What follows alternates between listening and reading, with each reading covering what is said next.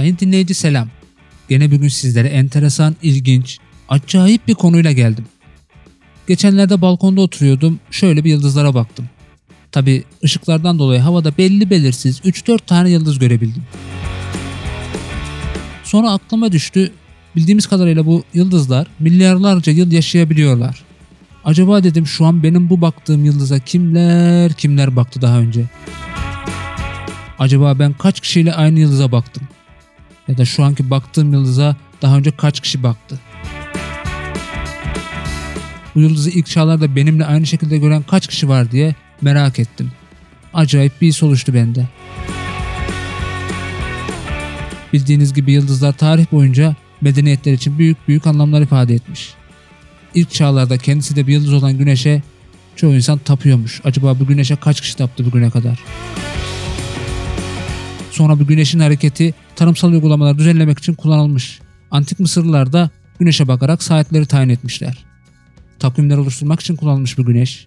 Mesela şu an dünyanın hemen hemen her yerinde kullanılan miladi takvim yani bizim kullandığımız şu takvim en yakın yıldız olan güneşi temel alan bir takvim. Yani aslen bir güneş takvimi.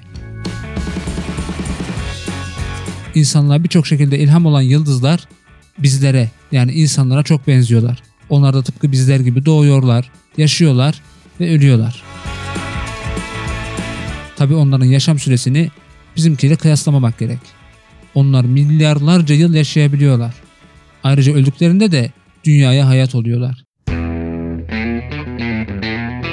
Yani kemiklerimizdeki kalsiyum bile bu yıldızlardan geliyor. Sonra bir düşündüm kendi kendime. Acaba bu yıldızların en yaşlısı hangisi ve kaç yaşında diye etraflıca bir araştırma yaptım.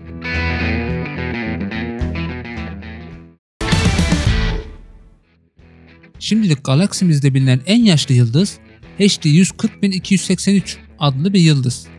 Bilim insanları onun adını bu şekilde söylemek yerine HD 140283 diyor. Çok akılda kalıcı bir ismi olmadığı aşikar bu yıldızın. Bu ismi de çok aramışlar mı bilinmez. Bu yüzden başka bir isim daha verme gereksinimi duyulmuş olsa gerek ki ikinci isim olarak Metuşallah ismini vermişler. Bizden tahmini olarak 190 ışık yılı uzaktaymış bu yıldız. E bir ışık yılının ortalama 9 trilyon kilometre olduğunu ve Türkiye'nin de bir uçtan bir ucu uzaklığının 1659 kilometre olduğunu düşündüğümüzde uzaklığıyla ilgili kafamızda bir şeyler oluşmuştur diye tahmin ediyorum. İlk yapılan ölçümlere göre bu yıldızımız 14 milyar yaşındaydı. Yaşındaydı diyorum. Sebebi de bilim insanları bu yıldızın yaşını hesaplarken birkaç milyon yılcık hata yapmışlar. Hatta birkaç yüz milyon yılcık demek daha doğru olur. Çünkü yaşadığımız evren 13.8 milyar yaşında. Yani düz hesapla evrenin oluşmasından 200 milyon yıl önce bu yıldız hala hazırda parlamaya başlamış olması gerek. Yani bu yıldız hesaplamalara göre evrenden önce ortaya çıkmış. E bildiğimiz kadarıyla Big Bang'den önce her şey tanımsız ve hiçlikti. Yani böyle bir şey imkansız. Hatta bilinen bir teoriye göre yıldızlar Big Bang yani büyük patlama sonrası evreni kaplayan soğuk hidrojen gazından oluşmuş. Bu yüzden ya bu yıldızın yaşı yanlış hesaplanmıştı ya da evrenin yaşı bugün bilinenden çok daha fazlaydı. E neyse ki bilim insanları daha sonra yapılan araştırmalar sonucu bu yıldızın yaşını hesaplamasında hata olduğunu anlamışlar ve bu konu üzerinde uzun uzun çalışmışlar. Bilim insanlarının bu yıldızın yaşının tespit edilmesi üzerine yaptığı hesaplamalar maalesef tam olarak doğru olamıyormuş. Çünkü bir yıldızın yaşını hesaplayabilmek için önce paralaks tekniğiyle uzaklığının belirlenmesi, sonra da parlaklığının ölçülmesi gibi pek çok teknik mevcutmuş. Ancak bu yaşlı yıldızımız oldukça hareketli. Yaşta halen dinç. Maşallah diyelim. Hareket hızı saatte 800 bin kilometrenin üzerinde ve bu yüzden de paralaks yöntemiyle uzaklık ölçümü tam manasıyla mümkün değil. Paralaks yönteminden kısaca bahsetmek gerekirse de araştırdığım kadarıyla bu yöntem uzaydaki gök cisimlerinin dünyadan uzaklıklarını belirlemek için kullanılan matematiksel bir yöntemmiş. Öklit ve Arşimet'in başı çektiği trigonometrinin keşfinden sonra bu yöntem kullanılabilir hale gelmiş. Metuşalah'ın hareket hızı yüksek olduğu için paralaks yöntemiyle yapılan ölçümlerde başarı sağlanamaması sonucu bilim insanları bu teknik yerine bu yaşlı yıldızımızın yaşını tam manasıyla öğrenmek için içerdiği kimyasal elementlere tayf analizi yoluyla bakmış. Tayf analizi nedir? Edindiğim bilgiler neticesinde önce buradan başlayayım. Birçok gök cismi farklı dalga boylarında ışık yayıyor. Gök cisimlerinden gelen ışınlar frekanslarına ya da dalga boylarına göre analiz edilerek o gök cisminin tayfı yani teleskoplar yardımıyla elde edilen ışığın bileşenleri toplanıyor. Gök cisminden elde edilen ışığın bileşenleri analiz edilerek gök cisminin sıcaklığı, hangi maddelerden oluştuğu, kütlesi, yoğunluğu gibi birçok özelliği hakkında bilgi sahibi olmak mümkünmüş.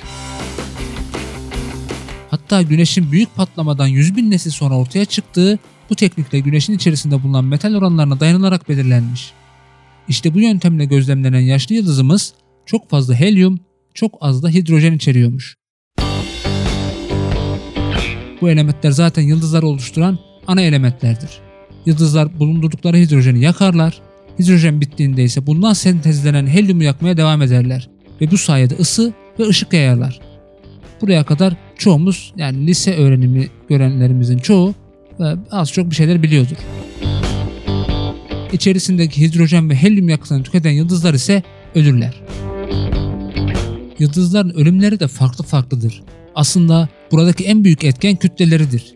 Kütlesi büyük olan yıldızlar süpernova patlamalarıyla ölürken daha küçük yıldızlar yavaş yavaş sönerler.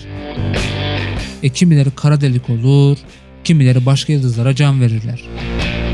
Yıldızların yaşamları ve ölümleri konusu üzerine belki başka bir videoda uzun uzadıya konuşmayı düşünebilirim. Bu sizin talebinize bağlı.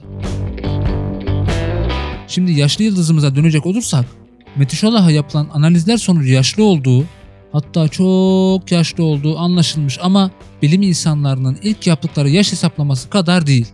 Dahası yıldızda bol miktarda da oksijen bulunuyormuş. Ve bir yıldızda böylesi yüksek oranda oksijen bulunabilmesi için büyük patlamadan çok sonra oluşmuş olması gerekir. Çünkü oksijen elementi evrende sadece yıldızların çekirdeğinde üretilir ve o yıldızların ölümüyle ortalığa saçılır. Bu oksijen nebulalara karışır ve yeni yıldızların oluşum sürecinde rol oynar. Bu ölçümlemelerden sonra bilim insanları bu yıldızın yaşında 800 milyon yılcık bir hata payı olduğunu kabul etmişler. Ancak halen gezegenin bilinen en yaşlı yıldız olduğunu biliyoruz. En nihayetinde Metuşala bilimsel adıyla HD 140283 diğer yıldızların atası konumunda ve bilim insanları aksini iddia edip kanıtlayana kadar ya da yeni bir en yaşlı yıldızımız bulunana kadar bu ünvanını koruyacak. Ve bu yaşlı yıldızımız içindeki yakıtı tükettiğinde öyle büyük büyük süpernova patlamalarıyla falan ölmeyecek. Sessiz ve sakin bir şekilde dış katmanlarını uzay üfleyecek ve yavaş yavaş sönecek. Çünkü kütlesel olarak Güneş ile ortalama aynı boylarda olan Metrolah yıldızı gibi yıldızların sonu genelde böyle olmaktadır. Düşünsenize neredeyse evrenin oluşumuyla beraber parlamaya başlayan bir yıldız. Neler neler gördü bu yaşlı kurt ha? İlk insanlar, kapanan ve açılan çağlar, icatlar, savaşlar, barışlar, daha neler neler. Aslında bu yıldız konuşmadan da bize bir şeyler anlatmaya çalışıyor bence. Mesela şimdi dili olsa, bakın insanlar, ben evrenin oluşumundan beri buradayım. Bu dünyada çok hükümdar gördüm, çok savaş gördüm ama hepsi boşaydı. Evren bugüne kadar kimseye kalmadı. Size de kalmayacak, sizden sonrakilere de. Ona göre yaşayın derdi. Belki öyle derdi. Efendim bugün sizlere gezegenimizin bilinen en yaşlı yıldızı olan HD 140283 diğer adıyla Metuşallah yıldızından bahsetmeye çalıştım. Başka podcastlerde görüşmek üzere. Ömrünüzün bu yaşlı yıldız kadar olmasa da bir insan ömrünün el verdiği şekilde uzun olması dileğiyle.